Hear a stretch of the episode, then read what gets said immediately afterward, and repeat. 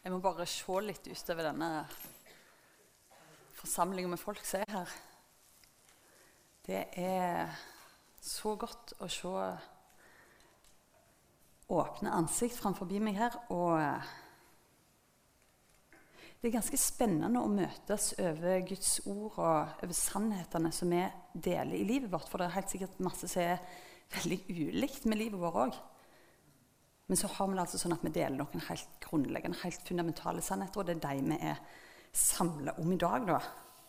Eh, og det er et veldig spennende prosjekt. Et prosjekt som for min del når jeg skal stå her eh, Og dere sitter litt sånn ute i mørket nå og kan sitte i en ganske avslappa positur.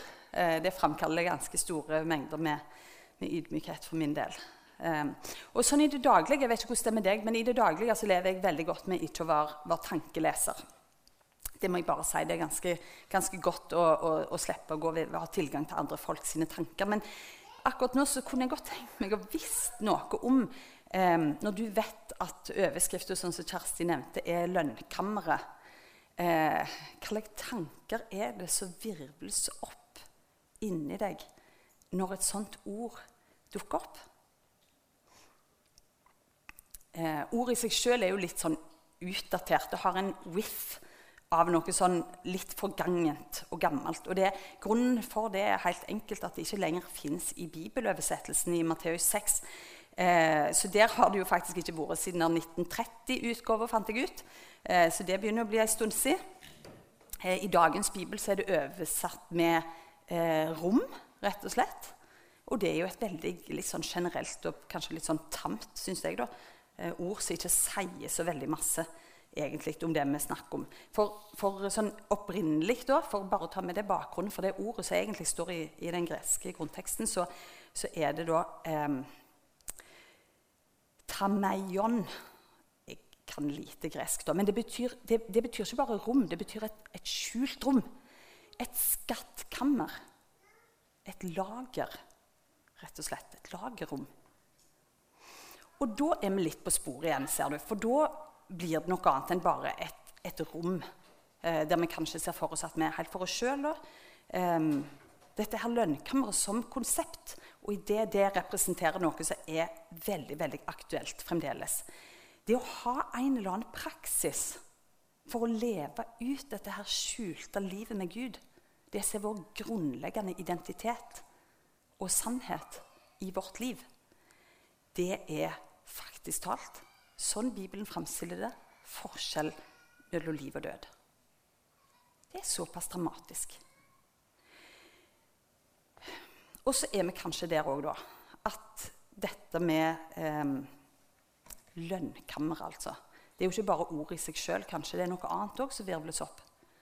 Eh, jeg har hatt perioder der jeg har syntes det er Det av og til blir litt sånn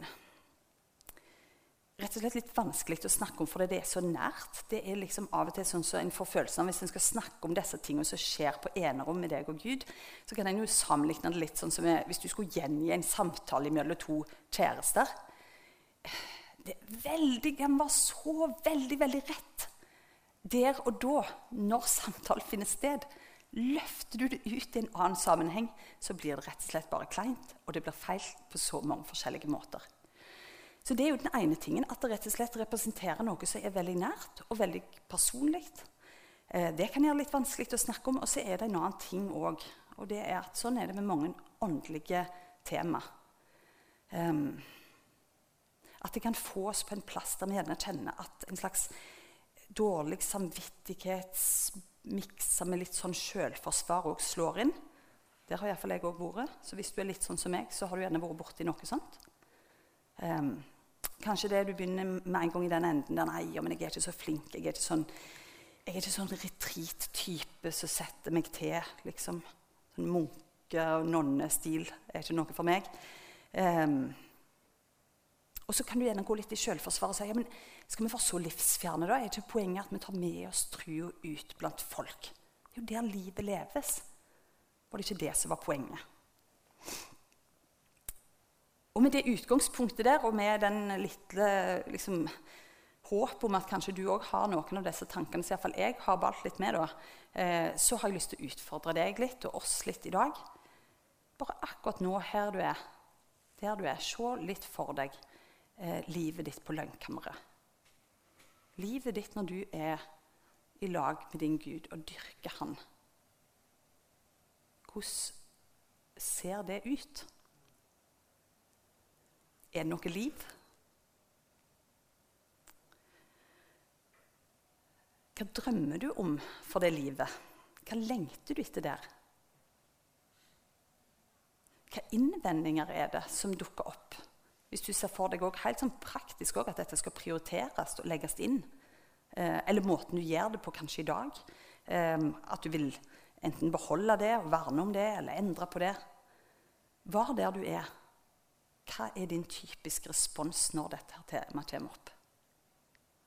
For jeg tror at hvis du begynner der, og hvis vi begynner der, da tror jeg vi er blant de som kan der Gud virkelig kan få gjøre noe hos oss i dag. Problemet kommer hvis vi framstiller oss på en annen måte. Hvis vi begynner i den enden der jeg burde ha Eller jeg er ikke alltid så Eller dette her temaet er litt irrelevant for meg. Så begynn der. Um, for det var jo egentlig derfor Jesus kom i det hele tatt. egentlig. Han som ga avkall på, på alt. Nettopp for at vi skal kunne komme til Han og være i lag med Han eh, som den vi er. Gud er ikke primært etter å etablere en ny rutine i deg i dag. Det kan handle om det òg. Absolutt, det skal vi ta på alvor. Men det er ikke først og fremst det. Og Derfor det blir dette mindre om sånn ressurs for å se for deg hvordan du kan etablere en rutine, eller hvordan du kan endre eller ta vare på. sånt. Det er masse gode ressurser på det. Eh, men i dag prøver vi å gå på det som handler om de dypere røttene, og det som ligger kanskje enda litt unna disse rutinene som vi har eller ikke har, eller som vi strever med eller gleder oss over. Um, for det er først når Gud får tak i deg, i ditt indre menneske, der du er deg sjøl, um, det er da han virkelig kan gjøre et arbeid i i deg og i meg. Kom først og fremst. Akkurat nå, når du sitter der. Kom til han. Treng deg på han. Han som er korsfesta og oppstått nettopp for, for våre synder, for at vi skal få et nytt liv. Og så skal vi ta med oss det. At vi får komme til han akkurat her og nå. Og så kikker vi litt inn i to sider eh, ved livet der ved røttene våre faktisk, Vi har jo snakket om dypere røtter nå. Nå er det tredje søndagen dette er tema. Og det er et viktig tema. Og denne gangen skal vi se litt på dette med lønnkammeret, der faktisk vi skal være så eh, ambisiøse kanskje, og si at det er en plass der røttene våre faktisk kan vokse helt inn i evigheten. Det kan høres ut som en klisjé hvis det ikke var for at det er dette livet Jesus tilbyr oss. Det er et stort under. Og så er det sånn at jeg er, jeg er glad for at uh, Gud har minnet meg på et par ting her, så jeg slipper å stå og bare komme på noe lurt å si sjøl. Um, to tekster og én setning. Og så Hvis jeg får delt de to tekstene og den ene setningen i dag, eh, da har jeg gjort det jeg skal. Det høres så veldig lett ut når jeg bare sier det på den måten. Så jeg prøver å overbevise meg sjøl om det. Men jeg, eh, hvis vi tar fram det første bildet, bare, så, så har jeg den første teksten her. Eh, så er fra 2. Korinterbrev i kapittel, eh, midt imellom kapittel 4 og 5. Eh, bare ta med deg det. 2. Korinterbrev 4 og 5. Der er det masse mer å gå inn i. Eh, hvis du vil det, Her har vi et lite utdrag. Eh, og det er det jeg har kalt dette i denne sammenheng for teori. Og da forstår alle at det kommer en liten del til som heter praksis. Og så er det ikke noe sånn vanntette skott i det hele tatt imellom dem. Eh, det er to sider av samme sak. Eh, og den teorien som vi har, enten vi er bevisst på den eller ikke, sant? det er jo den som egentlig former praksisen. Eller var det motsatt? Men i alle fall, det henger i hop. Men vi leser i lag her fra andre korinterbrev. Paulus skriver Derfor, og Han har skrevet tidligere om at det handler om at vi har den samme anden, den samme hellige ånd. Og derfor mister vi ikke motet. Om vårt ytre menneske går til grunne, så blir det indre fornya dag for dag. De trengslene vi nå må være, er lette, og de skaper for oss en evig herligdom som veier så uendelig mye mer. Og så Vi har ikke det synlige for øyet, men det usynlige. For det synlige er forgjengelig, mens det usynlige er evig. Det er jo ganske dypsindig. Jeg må jo rett og slett la det synke litt inn. Spesielt det der med at vi ikke har det synlige for øya. Hvordan i alle dager det an? Det er jo egentlig et paradoks. Men det er som om Paulus i denne teksten, hvis vi bare skal gå litt inn i den, hiver opp en serie med motsetninger rett i fanget på oss her. For liksom å virkelig legge inn over oss at faktisk er det to måter å leve på. I vår liksom, postmoderne og veldig sånn, pluralistiske tid så tenker vi jo ja, men det er jo så mange måter å leve på.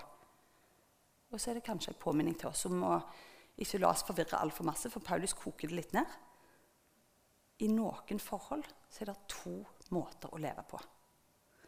Og han trekker fram iallfall fire motsetninger som er ganske tydelige. For det første forskjellen på det ytre og det indre. Det synlige på den ene sida og det usynlige på den andre sida. Det forgjengelige på den ene sida, det evige på den andre sida. Og så er det noe om trengsler som er midlertidige. Og en mulighet for å løfte blikket til en evig herligdom, kaller Bibelen for. I bokmålsbibelen står det vel 'herlighet'. Det er ikke sikkert vi forstår det så mye bedre for det om. Men det er en fantastisk eh, visjon av noe som skal komme. En invitasjon til å leve med glede og forventning uansett omstendigheter. Og med disse motsetningene som jeg nå trekte fram, spesielt kanskje mellom det ytre og det indre, mellom det synlige og det usynlige, så vet vi jo at vi lever i en ekstreme synlighetskultur. Gjør deg gjeldende. Dokumenter. Vis igjen. Det er i ganske stor grad budskapet vi lever med hele veien. Direkte og indirekte. Dermed er Paulus sine ord kanskje ekstra utfordrende til oss. Men jeg vil si de har en evig aktualitet. Dette har alltid vært utfordrende for folk. Det er ikke sånn at dette plutselig har blitt ekstremt vanskelig fordi vi lever i et sånn internett-synlighetssamfunn. Vi har noen utfordringer for vår tid i tidligere tider var dette òg enormt utfordrende. For det er noe allmennmenneskelig. Det treffer eh, noe som utfordrer oss veldig. Og det kommer ikke av seg sjøl å leve det nye livet, for det er annerledes enn livet i verden omkring oss. Sånn har det alltid vært å være kristen. Men kjernen i lønnkammerlivet det tror jeg er som å leve som om disse motsetningene her er faktisk helt reelle. Det er kjernen i, i, i, det man kan kalle lønnkammerlivet. Å forholde seg til at livet i Guds rike på mange måter snur opp ned på verden sånn som vi kjenner den. På den rekne måten som er rundt oss. Altså at jeg faktisk har et indre liv. At jeg faktisk har et indre liv. Det er usynlig. Til enhver tid så lenge en er på jorda, så har en altså det aller beste framfor seg. Det er fascinerende, for det er klart, i, i, min alder så er det jo eh, det er jo bare sånn at når en får ungdommer i huset, så merker en jo en begynner å bli litt på hell. Litt passé. Um, det er et samfunn som på mange måter òg, uh, i tillegg til dette synlighetskulturen, hyller ungdommen og, og velsigner ungdommen, altså. For all del. Men det er tanken på at du har det beste i vente. Det er en ganske spesiell tanke, og det er nydelig å leve med det håpet. Med lønnkammeret og det skjulte livet med Gud, med denne innstillinga her, da For det handler jo ikke om et rom. Sant? Det handler om en innstilling, en måte å leve på.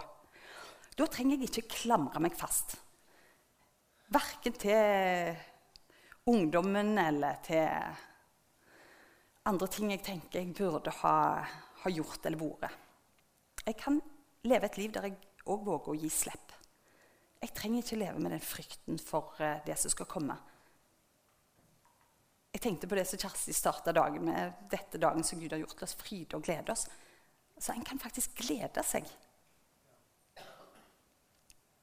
Men så vet vi jo hvordan verden omkring oss er, og hvordan vi sjøl Iallfall jeg fort når jeg eh, sitter på pauserommet på jobb eller i andre sammenhenger og er litt sånn, eh, glemmer jeg litt av, så sier vi så fort og hører vi så fort på dette. Du vet hva du har, men du vet ikke hva du får. Det er det verden sier. Og hva betyr egentlig det uttrykket? Ja, Det betyr kanskje noe sånn at det er det som er her og nå, som teller. Det er det synlige og konkrete. Det er det du kan bygge på, det er det du har. Det er det du kan stole på. Dette er et formidabelt budskap tror jeg, hele veien. Det er liksom common sense.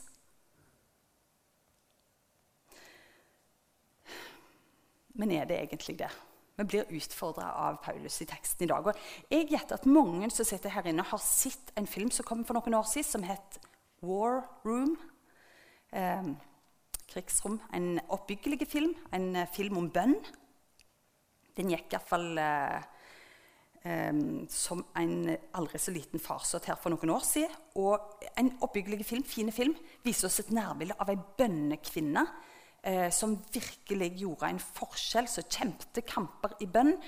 Og litt av greia med denne her filmen var altså at hovedpersonen hadde et rom i huset, et lite kammer liksom, inni huset som var dedikert til det formålet å be. Og Der hadde hun fullt av lapper og greier, og det var virkelig en plass med liksom konkret uttrykk for hennes skjulte liv med Gud, som skapte en reell forskjell i mange sitt liv.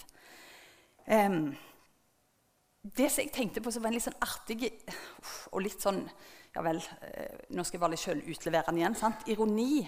Etter jeg hadde sett den filmen, så blir det nesten sånn at det er lettere å bare Å, vi skulle ha bygd om på huset og fått det der koselige bønnekammeret midt i huset. Sant? tenk å ha det. Da hadde alt ligget til rette for et liv der det virkelig svingte av bønnen. Det er rett før du tar kontakt med noen bygningskyndige kjentfolk. altså. Eh, og for min del så, så, eh, gikk jeg ikke så langt, for jeg vet jo at jeg er litt begrensa på akkurat det feltet. Og, og, huset vårt sikkert ikke egner seg og sånt, men, men jeg kjøpte en sakko 6 jeg skulle plassere en spesiell plass i ei lita nisje. og, og, poenget er egentlig det at det er ikke noe galt med et bønnerom. Det er nydelig. Det er ingenting galt å ha en saccosekk og Post-It-lapper og hvordan du velger å gjøre det.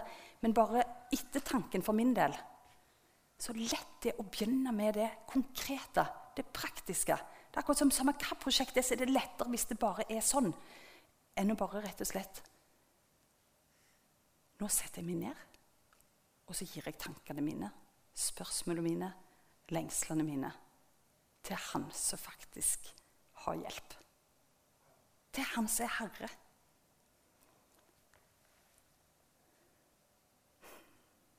Og når vi tenker oss om Og nå begynner de tingene å se litt, uh, litt utfordrende her eh, så har jeg òg blitt påminnet om dette at, at realiteten her i livet, det vet jo alle. Det at alt vi har her, alt det som vi sier vi, vi vet hva vi har, men ikke hva vi får, det er forgjengelig. Alt skal jo falle vekk. Det er, jo, det er jo den realiteten vi lever under. Alt forsvinner en dag. Og jeg husker bare Bo Kaspers Orkester. Kanskje noen i på min alder kjenner til det svenske bandet. Har utrolig mange fengende og treffende låter. Og de har en som jeg hadde ganske lenge på spillelista mi fordi han bare utrolig fengende. 'Innan alt forsvinner', heter han. Utrolig eh, flott låt på mange måter. Men jeg stokka en dag når jeg bare plutselig satt og hørte på teksten sånn helt på skikkelig. For der står det sånn eh, Eller de synger sånn Ja. De bare konstaterer nøkternt innan alt forsvinner. Det forsvinner i det store, svarte hullet, sier de bare. Og da er framstillinga deres Når den tid kommer, så handler det bare om å ikke angre noen ting når tiden kommer, når man skal betale. Alt blir vekk. Alt bare forsvinner ned i et stort, svart hull. Sånn ser noen det. Og det gikk liksom litt sånn kaldt gjennom meg. Hvordan klarer mennesket å leve uten et håp? Og bare konstatere det. At alt bare liksom blir trukket ned i et svart hull. That's it. Alt det som er her, som bærer bud om så masse liv. Noe så dypt som ligger i oss. Det med livet.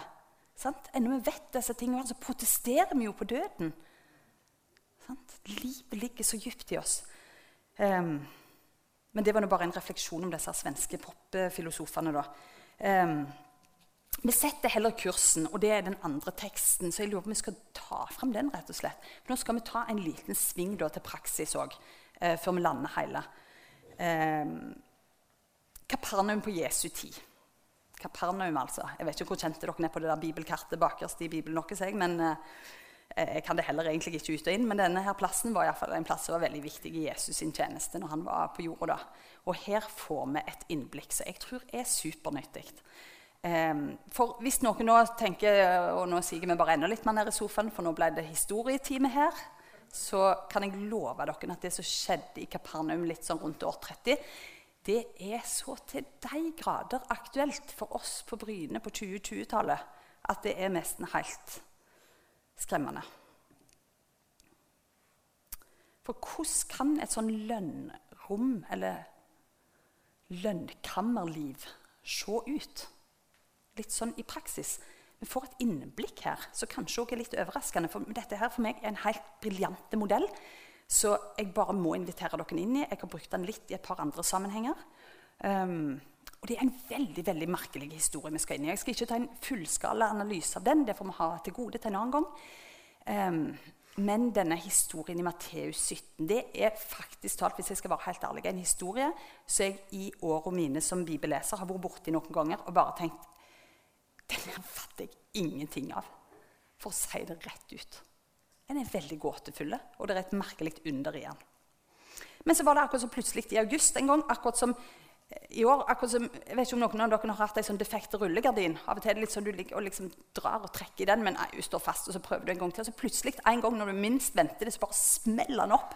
Oi, der virket den visst igjen. Så tenker du, Vi får visst bare ha den oppe hele veien. Um, Sånn var det for meg. Og det er Den hellige ånden, altså. Lys inn over teksten, og bare plutselig OK, her var det noe. Det er jo alltid det, men det er vel mer min evne. Og så et lys som kom inn. Det er herlig. Men her møter vi altså Peter. Vi leser gjennom bare eh, Jeg har bare tatt et lite, lite, utdrag der i starten. For det, det er en bakgrunn her. Det der spørsmålet betaler ikke mesteren deres skatt. Det er et spørsmål som Disippelen Peter får ute på torgplassen kan vi se for oss i Kapernaum, eh, der noen fra tempelvesenet passer han opp, og så er det beskyldninger. Du hører det litt i mellom linjene. Altså, unnskyld, jeg, jeg, har jo en livlig fantasi. Jeg leser sikkert litt for masse inn her, så gå hjem og les sjøl. Men, men, sånn oppfatter jeg det. Altså, det er noen som kommer opp der til Peter og så bare Hvordan er det? Betaler ikke mesteren deres skatt? Så snyter han liksom på skatt. Eller liksom, pleier han det? Eller? Det er noe litt sånn mistenksomt med det. I hvert fall. Og så leser vi at, uh, at, Peter går da rett etter denne. Han svarer ja og bekrefter det, men vi har liksom en følelse at han er litt urolig. Han, han springer hjem, eller går hjem. Og så leser vi her i, uh, i Sjå Matteus. Da han kom hjem, spurte Jesus før Peter hadde sagt noe. Hva mener du, Simon? Hvem er det kongene på jorda krever toll eller skatt av? Er det barna sine eller de fremmede? Av fremmede, svarer Peter. Så går barna fri, da, sa Jesus. Men vi vil ikke støyte dem. Derfor skal du gå ned til sjøen, kaste ut et snøre. Ta den første fisken du finner, og når du åpner gapet på den, finner du en sølvmynt. Ta den og gi han til deg for meg og deg.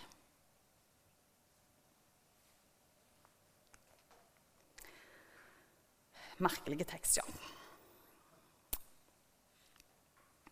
Men lev deg litt inn i den, da. Den første delen der på torget. Er det ikke sånn vi ofte står da, ute blant folk? Jeg har iallfall hatt det sånn mange ganger. Så er det noen som kommer bort, så er det kanskje ikke akkurat tempelskatten det handler om. Men det kan være mange andre ting. Hva var det Jesus sa egentlig om det ene eller det andre? Hva er det som står i Bibelen om det og det? Eller hva med de andre kristne? Hva, hva de har gjort eller sagt? Og så blir vi liksom stilt til svars for noen andre enn oss sjøl. Og så står vi der og så tenker vi vi skulle hatt et godt svar. Og da er det så viktig å bare gjøre sånn som Peter og gå til Jesus. Kanskje fatte oss i korthet òg. Og så gå til Jesus.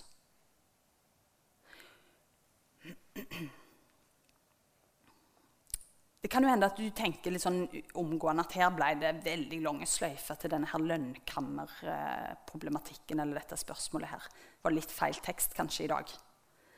Eh, jeg tror ikke det. Selv om det ikke her er noen som går inn på et rom og lukker døra etter seg og setter seg ned. Det kan jo hende dette er en påminning om at vi har et litt for avgrensa bilde av lønnkammeret og hva det kan være i livet vårt. Kanskje du rett og slett tenker at du er veldig ensom på det lønnkammeret. At du glemmer det aller viktigste med den tida der. At det er en plass der faktisk en venter på deg. En som møter deg. En som vil deg noe. En som har svar.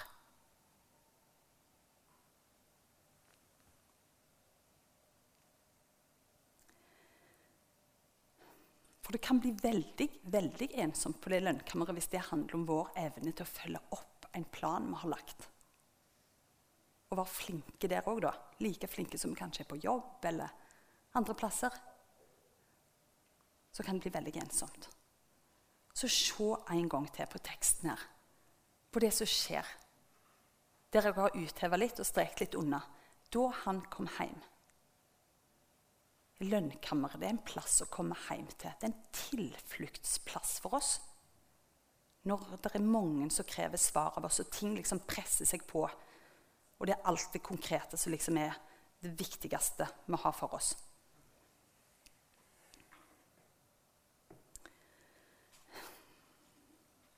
Heng deg på her når du kikker gjennom teksten her en gang til og bare ser. Um, Jesus er i forkant. Se på hva som står en gang til. Da han kom hjem, spurte Jesus før Peter hadde sagt noe. Rett inn i tankene til Peter. Rett inn i det som var dagens tema og dagens bekymring for Peter. Der er Jesus. Der begynner han. Um, dere har sikkert også hørt masse om bønn. og jeg synes det, det, er en definisjon av Ole Hallesby som er, er veldig fin. Eh, han sier at bønn det er å lukke Jesus inn. Kan godt høre dere, hende at dere har hørt den før. Bønn er å lukke Jesus inn. En enkel og nydelig måte å si hva bønn er. Men kanskje i lys av denne teksten her, så kan det være fint å utvide det litt òg. Og si at bønn er å bli lukka inn av Jesus i hans virkelighet.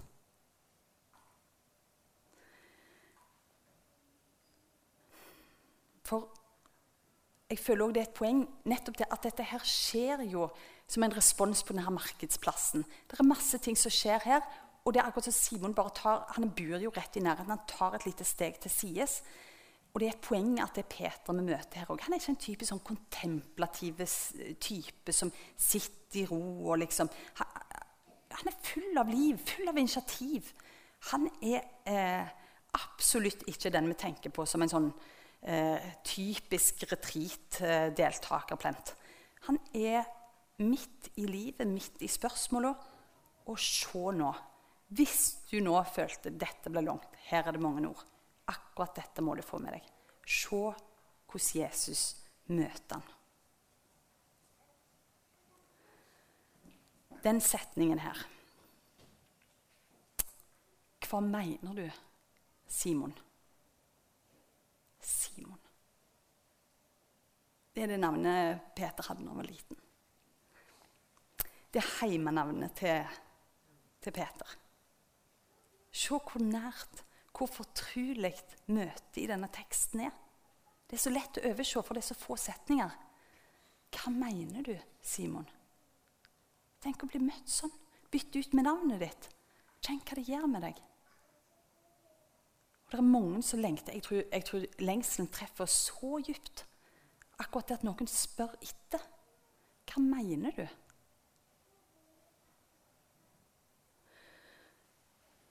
Jeg tror det er et viktig poeng her. Her er den Jesus, den han vil være for deg i lønnkammeret ditt. Den som er i forkant for bekymringene dine. Den som møter deg. Den som spør etter tankene dine. Som bruker fornavnet ditt eller kallenavnet ditt på den mest fortrulige måten. Den som vil ha deg på banen. Um, han venter, lengter etter at du gjør som Peter. At du går til han og lar han møte deg. Jeg hadde bare så lyst til å tipse deg om Det er på en måte en et lydspor til denne andakten. og Jeg vet ikke hvor mange av dere som kjenner den svenske lovsangsartisten Bo Jerpehag. Usikker på om jeg sier navnet helt rett, men eh, søk han opp. Han har ei lovsangsplate som heter 'Hos deg'. Og den er aldeles nydelig. Og det er som et lydspor til lønnkammeret. Og han, I en av sangene der så, skriver, så, sier han noe om at Jesus er den som bryter opp den harde jorda um, for å gjøre et, det han kaller et djupere verk i deg. Liknende nydelige formuleringer på det Gud vil oss i det indre livet. Det får du hos Bo Gjerphag. Så bare et tips der. Men det der bildet av at Jesus får muligheten til å bryte opp i den jorda som så lett pakker seg til av alle de spørsmålene som vi får ute på torget vårt, enten det er på jobb, der folk går på deg fordi du er kristen, eh, eller denne tausheten òg kan virke veldig sånn. Den pakker oss til. Og så føler vi liksom at å, med tanke på alle de spørsmålene som kan dukke opp, som vi helt sikkert ikke har svar på, så er det greiest å holde en lav profil. Um, og så tenkte jeg bare at Jesus i den teksten her det er også et viktig poeng. Han er liksom ikke den der livsfjerne guruen som sitter der liksom i en eller annen positur og bare Tenk det vekk, liksom. Altså, Merk dere at det er en helt konkrete, skinnende mynt i slutten av den teksten. her. Det løser Peter sitt helt praktiske problem der og da. Så det er et svar. Jeg tror veldig ofte vi undervurderer også Jesu inngripen i praktiske ting i livet. Og, og glemmer mest å be om den type konkret hjelp. Glemmer kanskje òg å se etter det. For dette er så langt ifra Det er et veldig underlig, et veldig eh, forunderlig svar. Men det er ikke et livsfjernt svar som Jesus gir til Peter. Det er veldig håndfast. Mm. Men så tror jeg det underliggende poenget er viktig å ta med til slutt. At eh, Påminninga som et ekko fra den første teksten vi leste.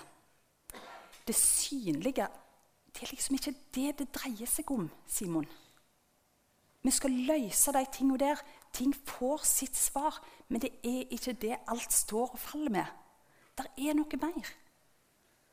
Alt det som kan virke så stressende, så viktig, som krever løsninger, og du har sikkert masse av det på bordet framfor deg i uka som ligger før deg. Det er en bråte med ting der. Det er ikke bare å koble det ut. Og det er heller ikke Jesus sitt svar. Men et så viktig poeng i fortellingen her. Åpne deg for at Jesus er den som faktisk har kontroll. Så det er rett og slett universets herre som møter deg. Han som vet om alt det vi kaver med, men som faktisk òg tilbyr oss noe der er gagen i. I møte med den tanken om så ganske skremmende tror jeg, for oss mennesker at alt faktisk skal falle bort. I Visu så heter det du kan, du kan ingenting ta med deg der du går. Har dere kanskje hørt? Det er jo en barsk sannhet i det. Men det er en sannhet med modifikasjoner. Det er ikke helt sant. For livet med Jesus, det er evig. Og sånn sett er livet på lønnkammeret Det er faktisk det ved livet her som aldri forsvinner. Det er det Gud tar vare på. Det er skattene der. Det usynlige, det evige, det varige, det herlige, som Bibelen kaller det for. Det varer. Og da gjenstår det egentlig bare å si at dette er òg noe som Jesus sjøl sier rett ut. Johannes 17 ber han en mektig bønn for alle sine. Og her kommer følgende definisjon på det evige livet. Og se her hvor viktig dette er nettopp for livet i lønnkammeret. Vi, vi tar med oss det til slutt i Jesu mektige navn. Jesus sier det sånn. Og dette er det evige livet. At de kjenner deg, den eneste sanne Gud, og Han du sendte, Jesus Kristus. Amen.